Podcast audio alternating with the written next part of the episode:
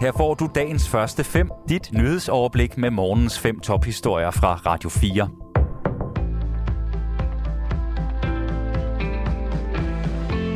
Det er onsdag den 12. oktober. Mit navn er Asbjørn Møller. Den amerikanske præsident Joe Biden vil revurdere USA's forhold med Saudi-Arabien. Det oplyser det hvide hus, efter at en Saudi-ledet koalition af olieproducerende lande for nylig besluttede at reducere produktionen markant.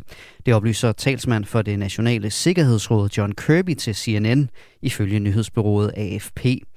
I sidste uge vagte de 13 lande i Organisationen for olieeksporterende lande vrede i det hvide hus. Det skete, da landene besluttede at reducere olieproduktionen med 2 millioner tønder om dagen fra november. Beslutningen har øget frygten for, at oliepriserne kan stige.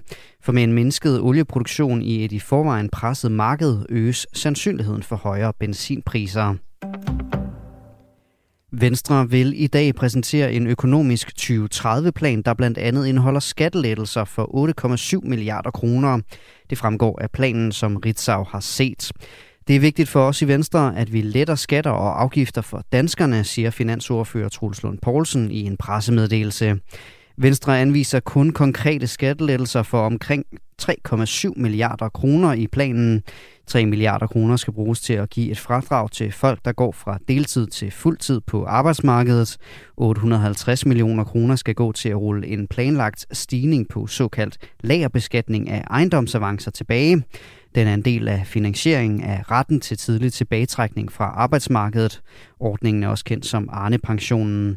Venstre har været stor modstander af den ordning, men har besluttet sig for at frede den alligevel.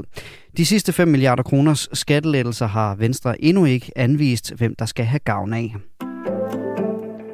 Den amerikanske rumfartsadministration NASA konkluderer, at det er lykkedes en rumsonde at bringe en asteroide ud af kurs ved at kollidere med den. Thomas Sand fortæller.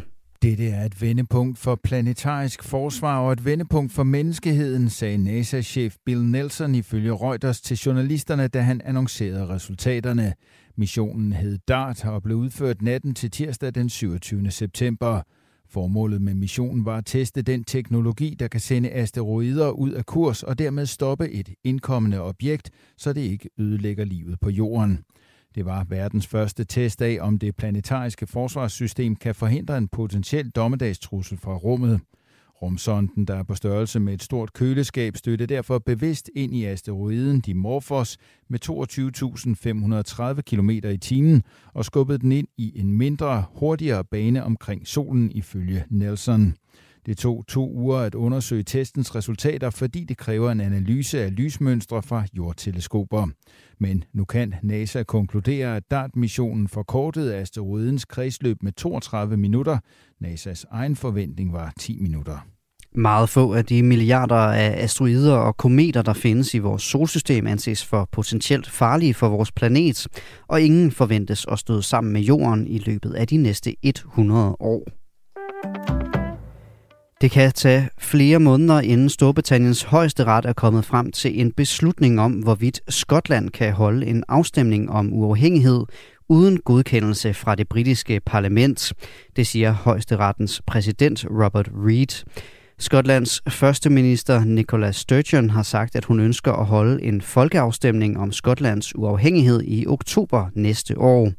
Men det skal ske på lovlig vis og være internationalt anerkendt, har hun understreget. Og derfor skal Storbritanniens øverste domstol afgøre, om Skotland kan holde afstemningen, uden at det først skal godkendes af de folkevalgte i London. Medicinalvirksomheden AstraZeneca og forskere ved University of Oxford opgiver et projekt om at udvikle en vaccine mod covid-19 i form af en næsespray. Det skriver det svenske nyhedsbureau TT.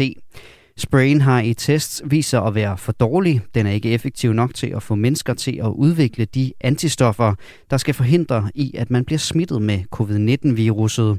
Forskere over hele verden har store forhåbninger til netop næsespray-vacciner mod coronavirus.